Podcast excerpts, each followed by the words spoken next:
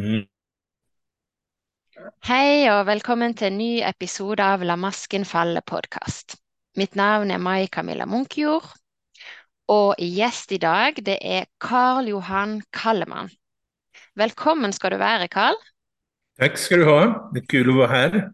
Ja, eh, det er så spennende å ha deg som gjest, Karl Johan. Og jeg vet ikke hvor kjent du er for det norske publikum. Jeg vet du er veldig kjent internasjonalt, og du har utgitt mange bøker.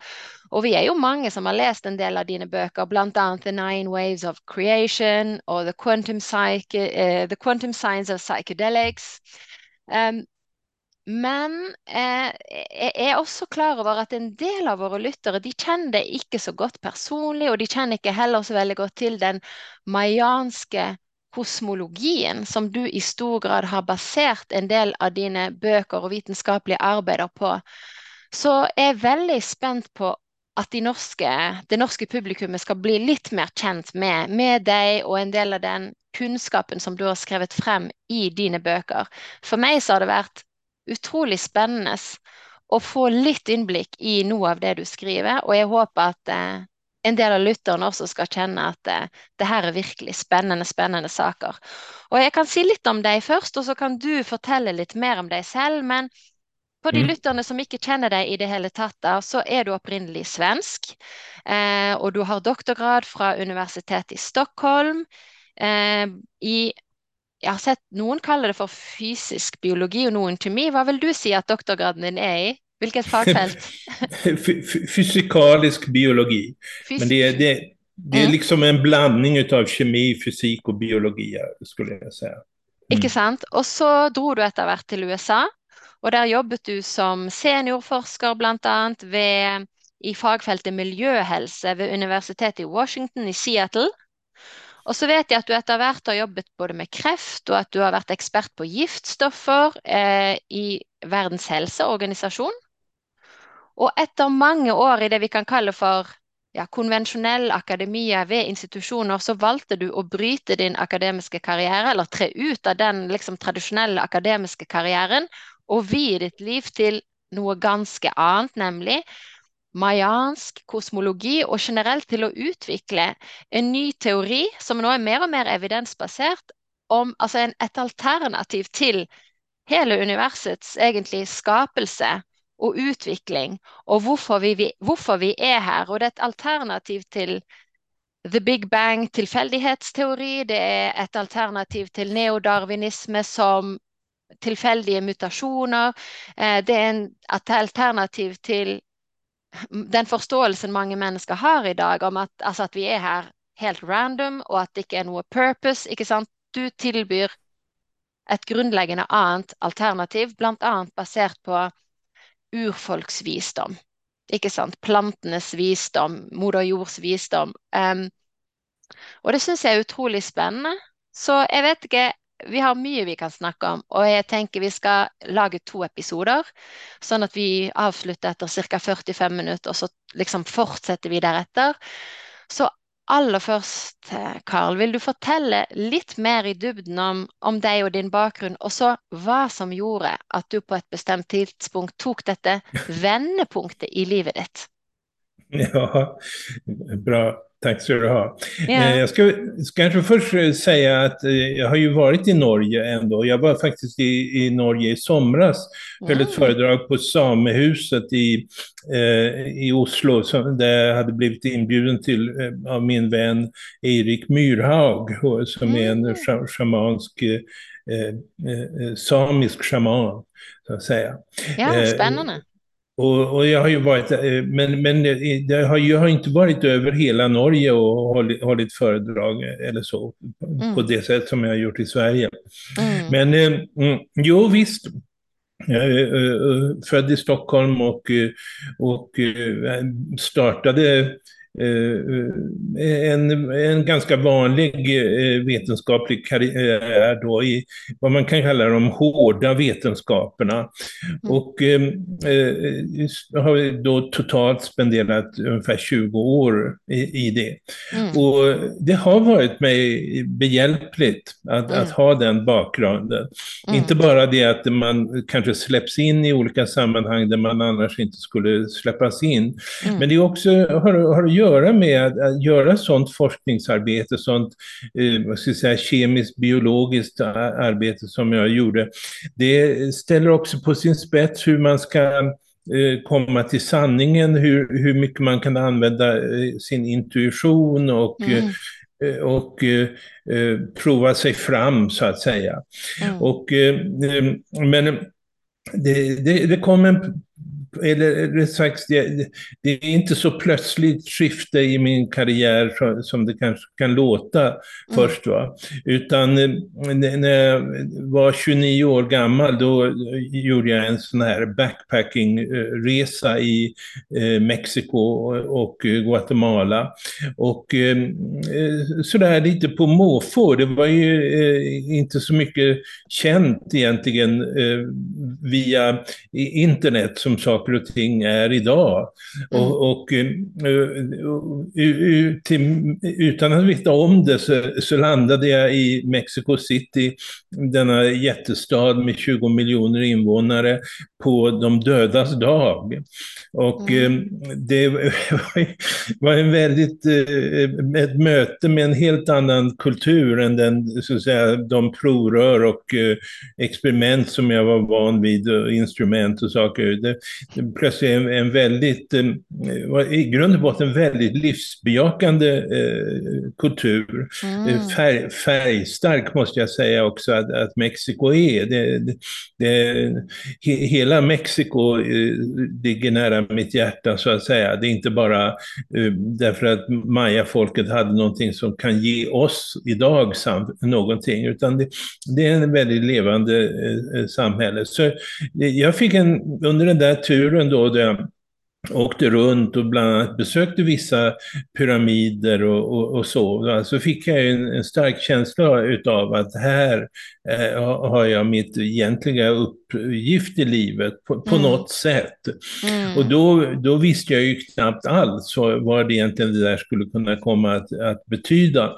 Men eh, jag var nere i, i Chichen Itza som är en eh, berömd maya-ort och, och, och, så, så kom, läste jag mig också till lite om vad, vad var det för en kultur som hade varit här i forntiden, som hade byggt de här pyramiderna och, mm. Och, så. Och jag började få en, en, en liten aning om deras eh, kalendersystem. Mm. Och fick en sån här omedelbar känsla att det här är rätt, så här är det eh, mm. på något sätt. Och vi har, vi har haft ett en felaktigt synsätt egentligen på hur tiden varit och hur utvecklingen, vad som driver utvecklingen och så vidare. Mm. Men det, det, var ju då inte någonting som jag gjorde någonting med, utan jag återvände ju till mina gamla forskningslinjer så att säga. Och sedan så flyttade jag då till Amerika 1985 och mm. Eh, till Seattle University of Washington. Och ehm, Eh, då eh, fortsatte jag dock mitt intresse. Då blev det plötsligt närmare att, att flyga ner till Mexiko på olika sorters workshops och så. Va? För att det, mm. även, eh, även om det kanske ännu inte riktigt fanns något kalenderintresse hos människor så fanns det ju en, liksom en, en, en begynnande dragning till urfolken och, och det var ju egentligen det som kunde hända. Så så jag hade upplevelser då liksom i, i, i Palenque och så. Och eh, sen kom det en punkt i mitt liv eh, efter kanske tio år som forskare i Seattle, eh, så då, då jag Ja, det, massa saker hände. Min, min, min, gamla värld föll ihop lite grann. Och, mm. och, och då så, men då började jag känna den här, jag, började, eller jag fick vägleddes kan man säga utav, utav olika sorters eh, eh, visioner. Mm. Och, eh, och det ledde mig ut ifrån den eh, tidigare karriären så att säga.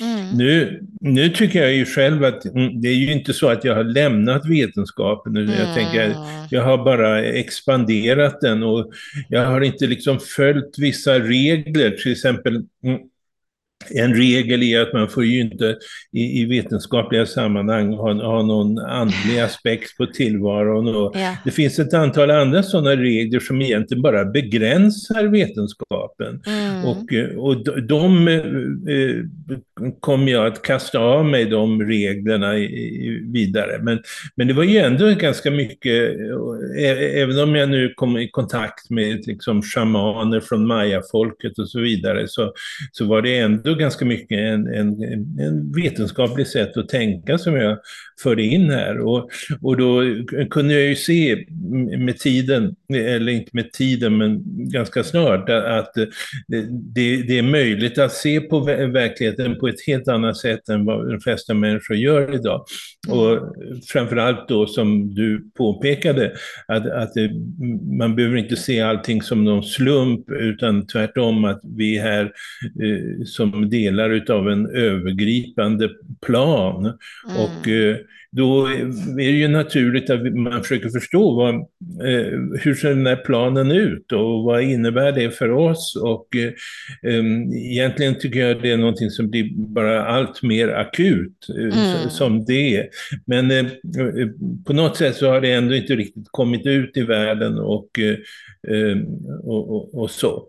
Men eh, hur som helst, eh, jag har då under de, sedan jag lämnade den här vad ska jag säga, akademiska karriären så har jag då under 30 års tid hållit på och eh, jag har skrivit böcker, det är väl åtta böcker tror jag, som har översatts till 13 olika språk. Mm. Och, och, eh, och, och, hållit föredrag och, och, så vidare. Så att, eh, mm. Och det är i stort sett vad jag gör än idag. Liksom. Fast det, ja, nu, nu lite, det, det, växlar ju vad det är som för fokus och, och, så, men det är ändå samma kärna att, att försöka förmedla att vi lever eh, som en del av en kosmisk eh, tidsplan och, och att eh, ehm, det är, är, kanske någonting som vi ska eh, fundera mer på än, än vad folk gör till, till mans. Ja, så spennende, og det, jeg har så mange oppfølgingsspørsmål. Men jeg tenker jeg bare må kommentere en ting som jeg syns er en sånn fin synkronisitet. Og det er jo at jeg er jo selv akademiker, det vet jo de som lytter på podkasten. Og jeg slutter i akademia etter 20 år eh, nå 20. februar i år.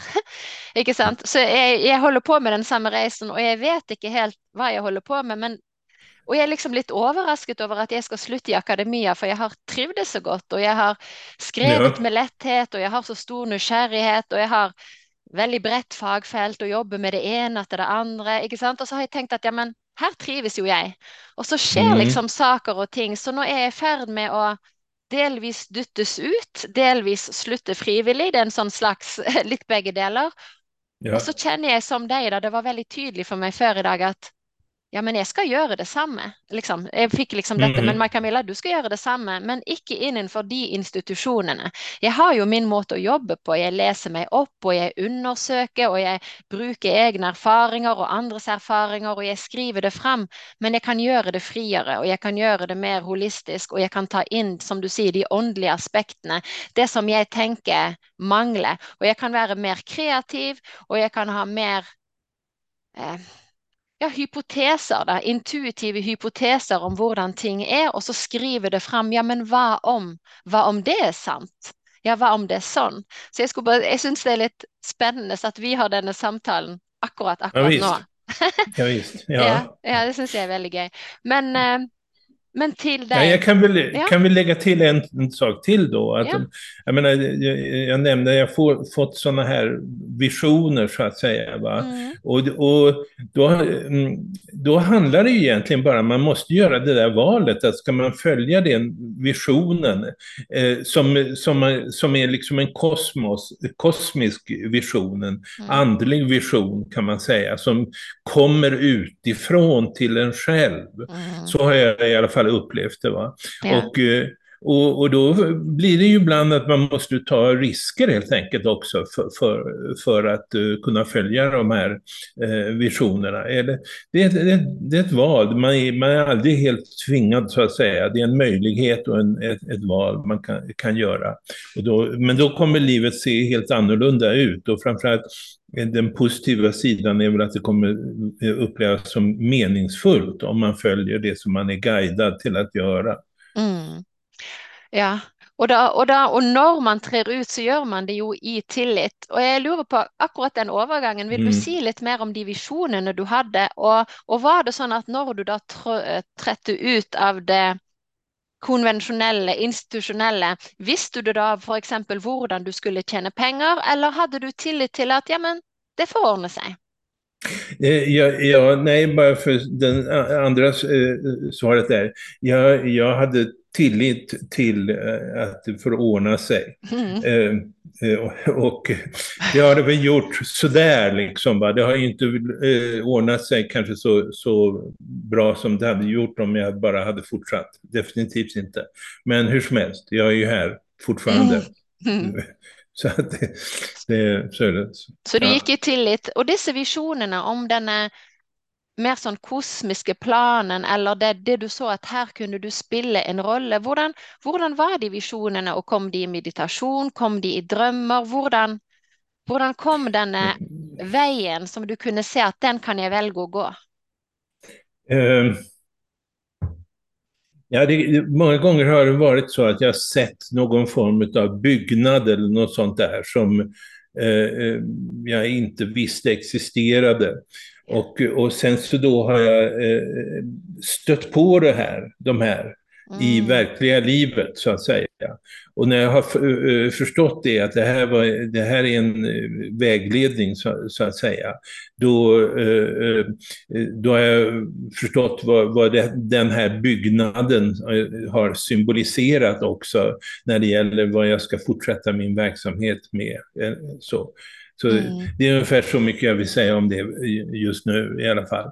Mm. Men, men, men eh, eh, och då, har- då, i första gången det hände så blev jag ju väldigt förvånad över att jag på något sätt var vägledd på det här sättet. Och, och att vi kan veta saker helt utanför den liksom, rationella funktionerna så att säga. Vi vet allt möjligt egentligen tror jag om universum. Men, men sen handlar det lite om vad, vad man är fokuserad på och vad Mm. man vill fokusera på, vad, vad man kommer att stöta på.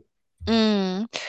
Nettopp. Og dette her med bevissthet og hvor kommer tanker fra, vi kan liksom snakke mer spesifikt om det, eller så kan du, hvis du ønsker det, for det er jo knyttet til disse her nine waves of creation, sant? Altså, vil du ta bitte litt helt sånn konkret, hva tenker du, hvor kommer egentlig, hvor kommer våre tanker fra, hvor kommer kunnskap fra? Er det noe som oppstår inni vår hjerne, uavhengig av omgivelser, eller er, kan vi mer, jeg vet jo hva du tenker, men du kan jo si det til lytterne, eller er det mer at vi kan se på oss selv som en antenne som, som tar imot? Hvordan vil du si litt om det? Og så begynner vi å snakke om the nine waves of creation deretter. Ja, Mm. ja, ja visst. Nej, jag tror det är lite både och. Men, Mm. men vad, vad de flesta människor eh, inte, tror jag, inser, och de har inte liksom eh, studerat saken egentligen på det sättet, det är att vi faktiskt laddar ner, download, eh, för att prata engelska då, Ja. eh, laddar ner helt enkelt eh, kunskap på olika sätt, tankar och, eh, och så. Det, Mm. det är inte, det, de skulle inte uppstå i vår hjärna om inte våra hjärnor vore antenner för eh, så att säga, mycket högre aspekter av universum eh, mm. som, som de faktiskt är. Så det är en stor del av det som strukturerar vårt, vårt sätt att tänka, det, det tror jag är kosmiska influenser helt mm. enkelt. Mm. Och, och det här är, det är inte bara säga, omgivningen som man kanske kan säga. Mm. Eh, därför att det är en osynlig omgivning egentligen som, som mm. man laddar ner det här från. Mm. Eh, och, och eh, mm, mm.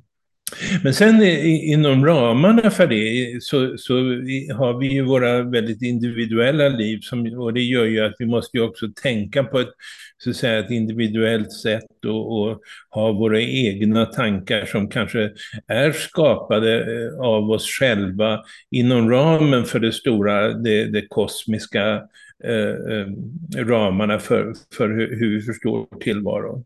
Mm. Och för de av lytterne som syns det er vanskelig å tenke eller å, å liksom ta inn over seg dette her med nedlastninger. Vil du gi noen helt enkle eksempler? Det kan være f.eks. Altså, pyramidenes tilblivelse på ulike deler av verden til samme tid, til mer konkrete hendelser i dag. Men bare sånn at folk skal forstå, ja, hva betyr egentlig det? At det vi tenker og gjør, til dels i alle fall, er i resonans med noe større utanför ja, själva. Mm. Ja, ja, visst. Ja, pyramiderna är väl ett bra exempel på det. Mm. Därför att eh, eh mm, de här, eh, så att säga, de här kosmiska ledna, eh, nedladdningarna mm. är, ju egentligen exakt det som beskrivs utav skiften i, i Maya-kalendern. Mm.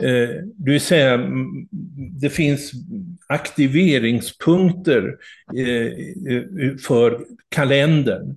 Mm. Och vad som händer vid det, en av de stora kända aktiveringspunkterna var ungefär 5100 år sedan. Mm. Och det är den sjätte vågen som då aktiverades. Eh, och eh, vad, vad man kunde konstatera då helt enkelt är att, att över hela jorden, jag menar inte varenda plats, eh, men så långt man från Peru till Mongoliet kan man säga att människor då plötsligt började bygga pyramider. Mm. Och det hade de aldrig gjort tidigare. Mm. Och, och det gör ju, var ju lite mystiskt kan man säga då, men det faktum att det samtidigt händer på helt skilda platser där människor inte haft någon möjlighet att kommunicera med varandra och liksom kommit på den idén. Mm. Uh, och, och, och, vi kan ju, har ju fortfarande svårt att förstå egentligen varför de byggde pyramider. Men uh, som jag har förklarat det så är åtminstone en viktig aspekt av det där är att de laddade ner en, en ny ge geometri för, för sitt mind, för sitt mm. sinne, för sitt tänkande helt enkelt. Mm. Och den där geometrin skapade ett nytt sätt att tänka helt enkelt. Mm. I grund och botten en, en, en, skapade det en, en eh, separation mellan eh, vänster och höger hjärnhalva. Det var den geometrin som laddades ner. Mm. Men eh, det faktum att, att det skedde samtidigt då på väldigt skilda platser tyder ju på att det måste varit en, någon kosmisk influens som, som skapade det, det här. Mm. Mm. Ja, och och mindre, enklare exempel, eller sånn, og for meg er det ett väldigt overbevisende exempel, men, men andre eksempler er jo at ja, vi vet att bestemte för exempel forskningsfunn er oppstått før internettets tid i olika forskningsmiljöer utan kontakt med varandra där man plötsligt fick de samma insikterna. Så det tyder ju på att ja, att innovationer och, och nytänkning inte sker helt tillfälligt och bara liksom i den enkeltes hjärna, men, men att det också är där i dialog med någon impulser som, som är tillgängliga. Ja, precis. Mm. Det är ja. väldigt spännande, så jag tänker kanske att vi med det då, att du kan ta oss lite tillbaka till Eh, det du kom i kontakt med når du reiste rundt først i Mexico, og du oppdaget disse pyramidene, og jeg vet at de hadde en veldig bestemt, altså en veldig spesifikk arkitektur, ikke sant? De var Ja, hvor mange sider hadde de? Altså, du, kan, du, kan, forklare litt, altså, du kan forklare litt om var, hvilke typer innsikter fikk du gjennom å begynne å studere først pyramidene og så maya-kalendersystemet, og derifra via på en måte noen av de viktigste symbolene i mayansk kosmologi, som livets tre og som den befjærede slangen, som den vel heter, the plumed serpent. Ja. ja. Ja, ja, ja visst alltså. Eh, eh, eh, de här pyramiderna, jag menar varför byggdes de? Det, mm. Eh, och, och det, det är ju de, pyramiderna i Mexiko, de byggdes i alla fall 3000 år efter att de egyptiska pyramiderna och den här första idén laddades ner. Mm. Och de är väl kanske inte exakt, kanske inte exakt samma syfte, men de verkar ha varit någon slags eh, educational, alltså undervisande syfte bland annat. Att, att det, de avser att, att eh, symbolisera Eh, och, materialisera eh, hela skapelseprocessen. Mm. Och eh, den, det är flera olika pyramider i de här mest kända Maya-orterna då som är byggda i nio stycken nivåer.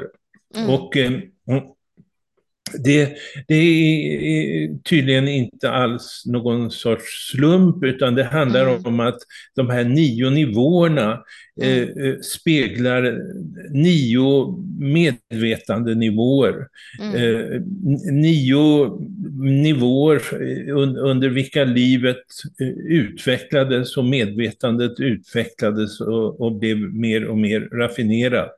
Mm. Och eh, man kan då säga att eh, om man klättrar upp för en sån här pyramid, vilket man gjorde eh, för ceremoniella skäl i, även i forntiden då, så mm. går man igenom hela liksom, den kosmiska utvecklingsprocessen, där en nivå eh, bildar grunden för nästa nivå mm. och, och, och, och skapar det som är förutsättningar för att nästa nivå ska kunna utvecklas. Mm. Och, och sen så kommer nästa nivå eh, baserat på två nivåer och, och skapar någonting mer avancerat i sin tur. Mm. Och, och så går det upp eh, eh på det sättet.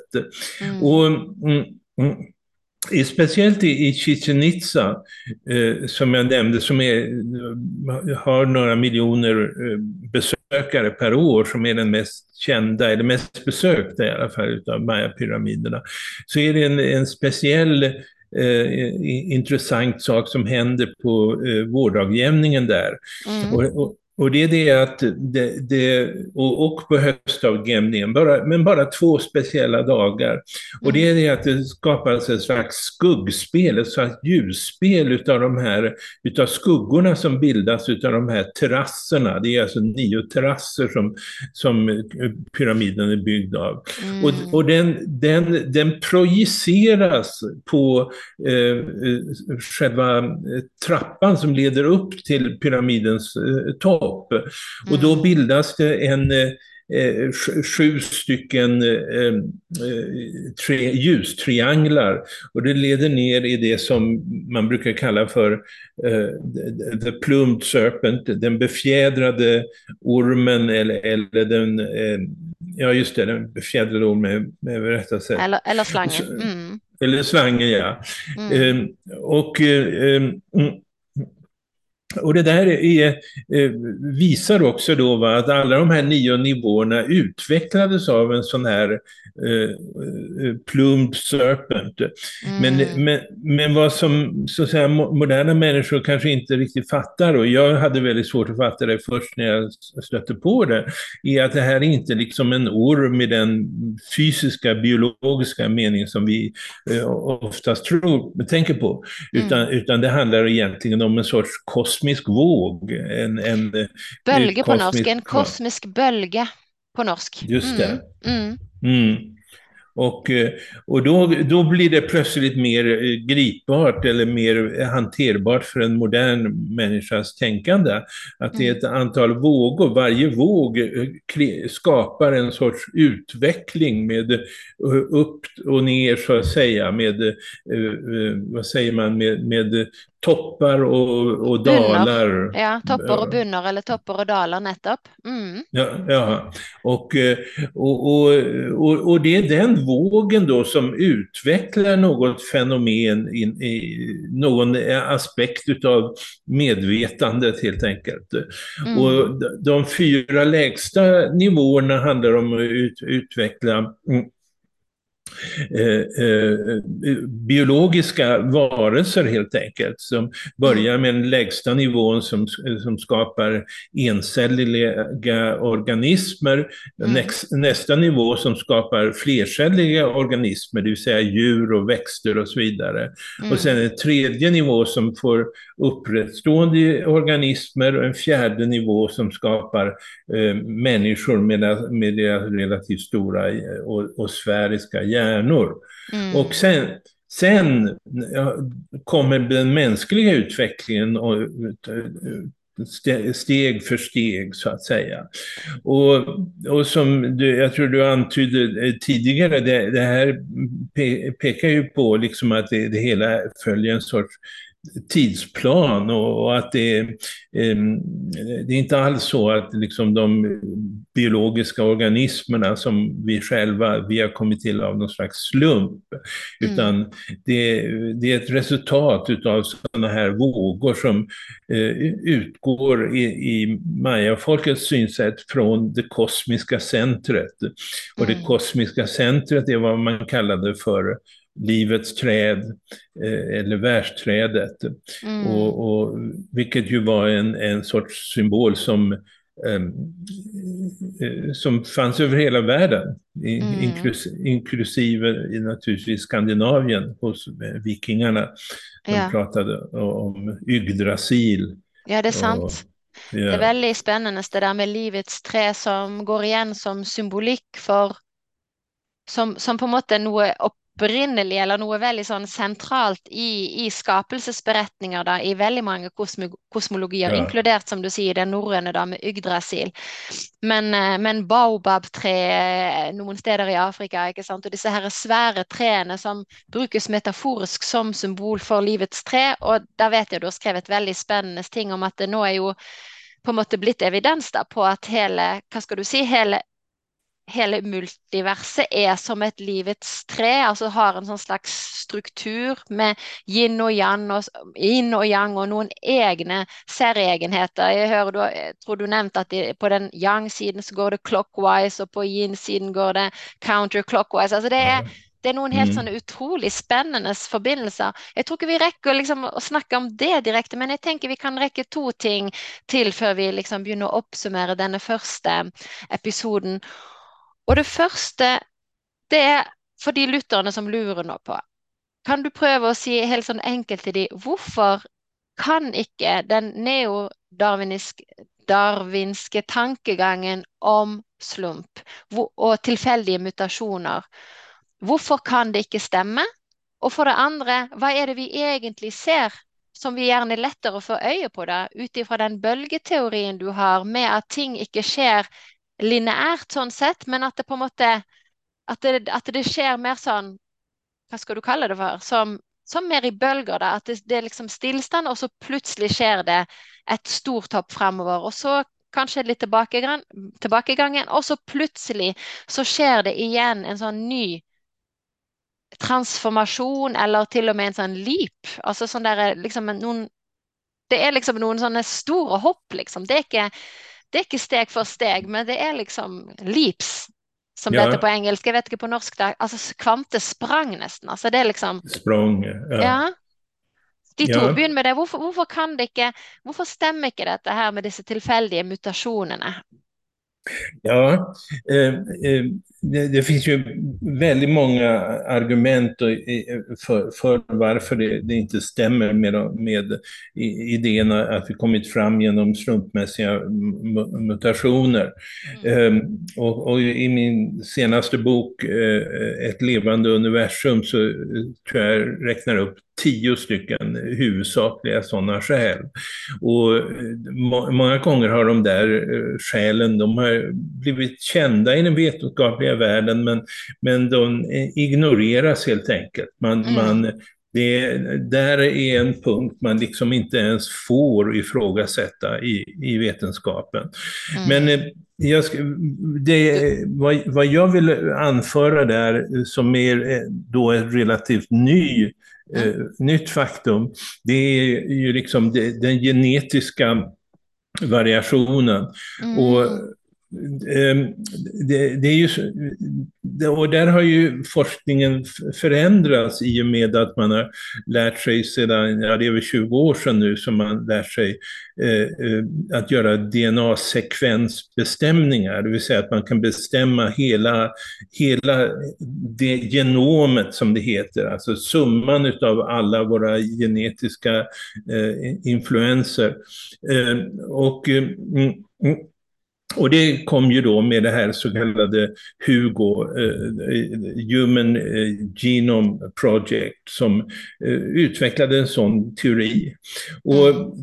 in, inledningsvis hade man eh, trott, man, man, kunde se att vissa enkla organismer hade eh, typ 20 000 gener. Mm. Eh, och innan man har eh, sekvensbestämt det, det mänskliga genomet mm. så tänkte man sig, jaha, då måste det ju vara, då måste vi väl ha ungefär 400 000 gener mm. eller något sånt. Därför att mm.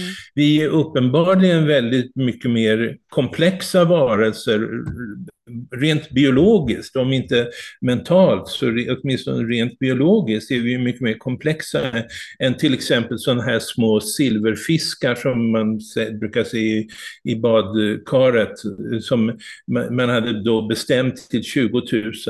Mm. Och eh, sen så kom det, fortsatte man då med, med studierna och eh, gjorde någon slags första, första för, DNA-bestämt, eh, DNA-sekvensbestämningen kom fram till typ en, en 30-40 000 gener. Mm. Men sen har man liksom finjusterat det där mer och mer och vad man till slut kom fram till var att det var eh, människan, eh, genom består av 20 000 gener. Faktiskt li, lite mindre, lite färre än vad ett, en sån här silverfisk har. Mm. Och, och, sedan så då eh, eh, har man då fortsatt att studera ett antal olika sådana här uh, organismer, uh, djur helt enkelt, vad vi kallar djur, alltså multidjur med många celler helt enkelt. Mm. Va?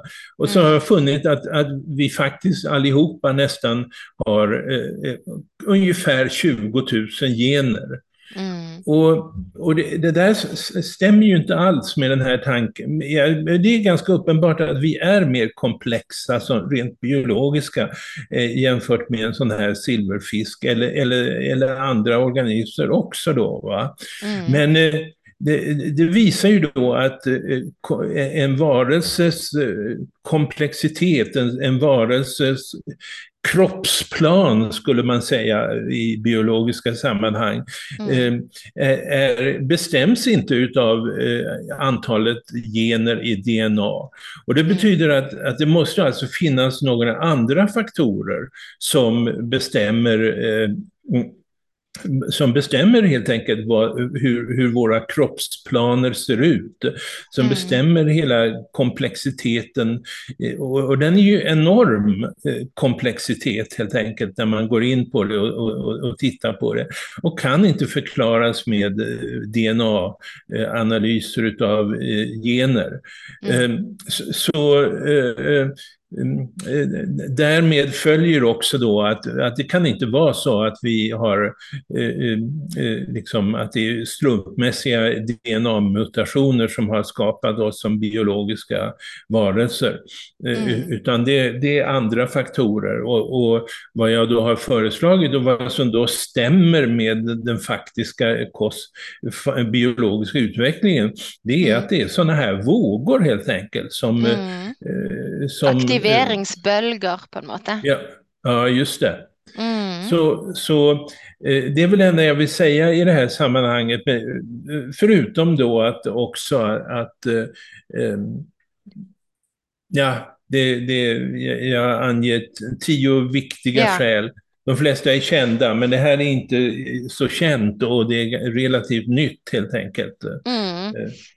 Bare jenter det gode, gode, poeng kan gjøre det gjentas for lytteren. ikke sant? Altså Denne sammenligningen da altså Man hadde dette svære genprosjektet The Human Genome Project som man hadde i USA, som vel ble ut, ut, avsluttet for 20 år siden. og der man trodde at nå skal vi på en måte avdekke årsakene til menneskets vesen, til menneskets kompleksitet osv. Og, så og som du sa, da, så derfor så Man visste allerede at, eh, at små insekt som fjær, eh, sølvkre hadde rundt 20 000 gener i sitt DNA. Så man antok da, fordi man sammenlignet det med människa, at mennesket ville ha kanskje 20 ganger mer, altså 400 000. Og så viste det seg at mennesket faktisk hadde noe under antall eh, gener i sitt DNA sammenlignet med sølvkre. Og at det betyr på en måte at ja, hele vårt, vårt vesen og vår kompleksitet osv. umulig kan fastsettes av DNA, altså antall gener i vårt DNA. på en måte. Det, det, er motbevist, og vi vet det, men allikevel så har vi ikke vitenskapelig da, i det vetenskapliga mulige tatt det helt inn over oss. Ja, men hvor skal vi da lete? Og så har jo du da vist hvor vi kan lete, eller hvor vi kan få en forståelse. Og det handler altså om noe som ikke direkte eh, er så lett å måle, for det er noen da bølger, og det, han, det, handler om frekvenser, og det handler om noen aktiveringer som skjer. Men jeg tenker at vi kan avslutte denne samtalen med at du sier litt om Du nevnte de fire første bølgene i stad, og så at du sier litt om bølge fem, seks, syv, åtte og ni. Og så avslutter vi samtalen, og så, og så tar vi opp igjen tråden i en ny podkastsamtale etterpå. Okej, okay. ja, mm. ja visst, fint. Eh, så eh, då kan man säga att, att människan som, en, som vi nu är, det som man kallar för Homo sapiens, mm. Den eh, anses ha kommit till ungefär 160 000 år sedan. Mm. Och eh, det är helt enkelt den sista piken av de här sju i, på, den, på den femte niv nej, fjärde nivån. Mm. Det, det, här, det, här, blir lite komplicerat om man inte har eh, bilder att, att, eh, att se på. Mm. Men, men hur som helst, för 160, år sedan, 160 eh, 000 år sedan så uppstod Homo sapiens mm. och, och, och, ett antal andra varianter på människor också. Mm. Men från ungefär 100 000 år sedan så aktiverades då den femte vågen. Mm. Och eh, vad den innebar var att någon slags förändring i det, i det mänskliga psyket, det mänskliga sinnet. Mm. Det var inte bara då en biologisk förändring som hände, utan på något sätt så var det en nedladdning utav eh, nya förmågor. Mm. Och, och, från hundratusen år sedan så kan man säga att människor skapade konst och de skapade symboler och mm. de Eh, började, eh, så att säga, man, man, kan säga att de skilde sig verkligen från de andra djuren helt enkelt, i och med mm. att de då fick, fick, en möjlighet att skapa en sorts kultur. Mm. Och det Eh, den, den, tog, den var under hundratusen år så rådde den här vågen och steg för steg från de liksom första små tecknen som finns så, så kommer sedan de här eh, eh, grott, mm. grottmålningar och, och, och sådana saker som tyder på en mer utvecklad förmåga att reflektera eh, verkligheten och, och, så. Så, det, mm. så människan gradvis fick också kanske någon slags självmedvetande i hela den här processen. Men väldigt långsamt egentligen. Eh, eh, eh, det, det, men mm, mm. Sen kommer då den sjätte vågen som är eh, ungefär startade 3115 före Kristus. Ehm, eh, och, och, den är då, skapar en, en civilisationer, människor skapar då civilisationer. Mm. Och eh, eh, eh, med, med, allt vad det innebar, inte bara pyramider utan sta, stadsliv, Eh, eh, oh, sorry där, jag kunde inte.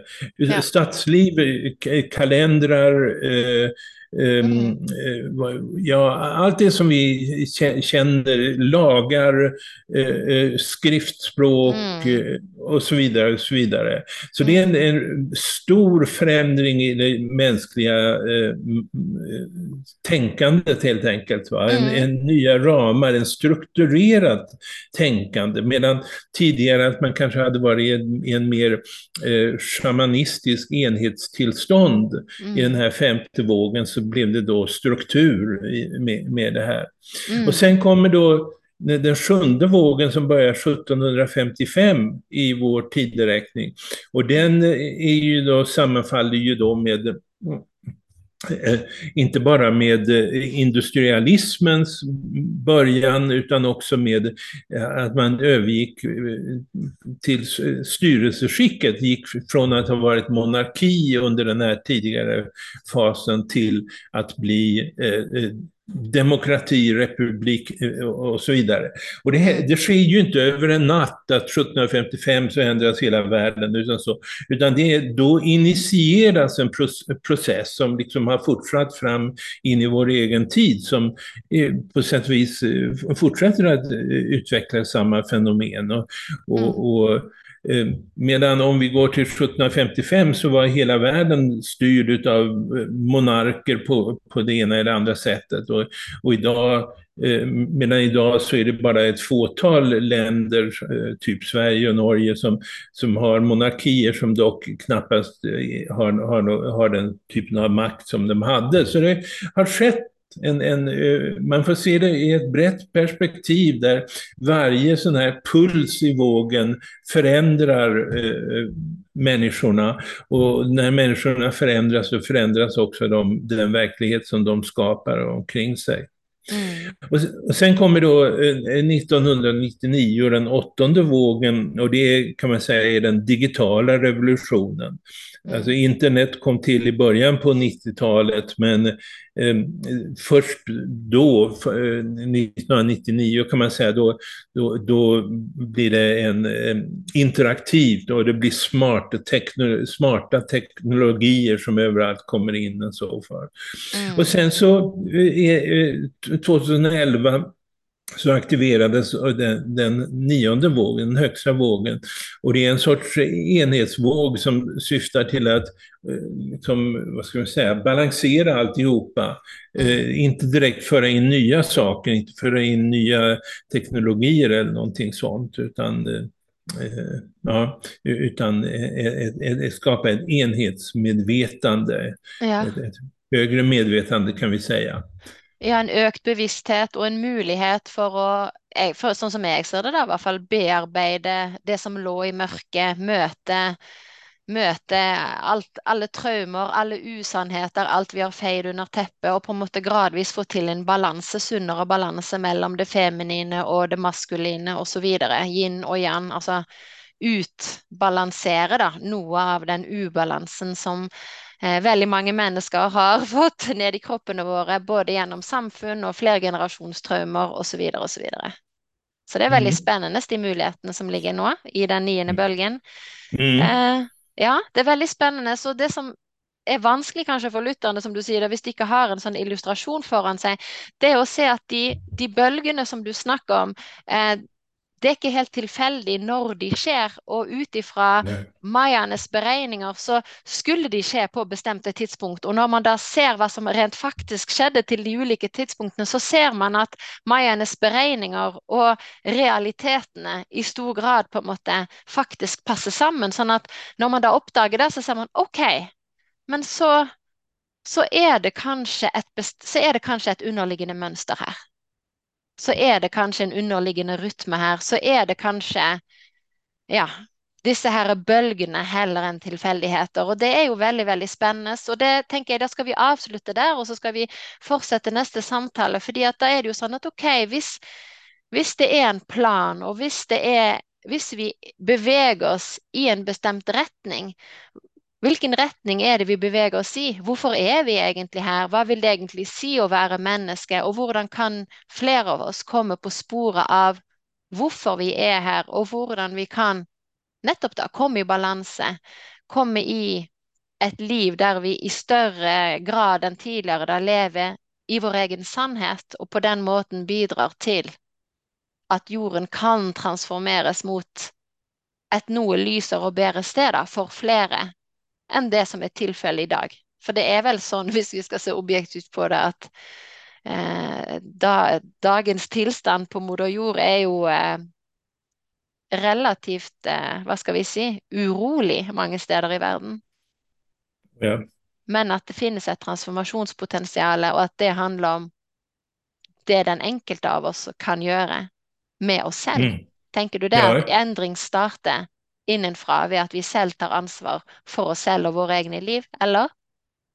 Jo, visst alltså. Men mm. kanske, kanske inte, eh, inte bara våra egna liv, utan eh, eh, eh alltet egentligen som vi får ta, får vi ta ansvar för. Men, men naturligtvis eh, handlar det om, om att eh, för oss att så att säga gå ifrån ett, ett, ett ett sätt att vara som bara genererar konflikter och motsättningar och så vidare. Till, till... Ja, och, som, och där vi utnyttjar både oss själva och varandra och naturen och resurserna och så vidare. Ja, det har du helt rätt i. Alltså det där med att jobba med sig själv betyder ju inte att vi bara ska jobba med våra egna kroppar, men att vi jobbar med att skapa mer balans i naturen, ja. i våre omgivelser, i våre samfunn. Eh, for de som ikke hører neste episode, og som er interessert i å vite mer om ditt arbeid, og hvor de kan finne mer informasjon både om bøkene dine og Maya-kalenderen, hvor finner de den informasjonen? Ja, det bästa är väl egentligen då att gå på min hemsida som är kalleman.com. Mm. C-A-L-L-E-M-A-N.com. Ja. Eh, så, så, enkelt är det. Mm. De som vill eh, köpa mina böcker, de kan göra det på eh, Amazon. Och över hela världen då. Och, ja. Och, men, men det, det, räcker tror jag som infallsvinklar så att säga. Ja, och jag kan lägga kalleman.com i episodebeskrivelsen och böckerna dina får vi också köpt på det som heter ja, i nettbokhandel i Norge. Dine bøker mm. er tilgjengelige i Adlibris f.eks. I tillegg til Amazon, sånn at man kan også kjøpe det der. Ja. Nei, men Veldig bra. Da vil jeg takke deg så mye for samtalen. Har du noe du vil legge til helt til slutt, før vi avslutter nå? Nej, jag tycker vi fick en bra början på det här. Eh, ja. tack, ska, tack ska du ha. ja. Tack ska du ha. Och ha det bra. Och till lytterne på gjenhør.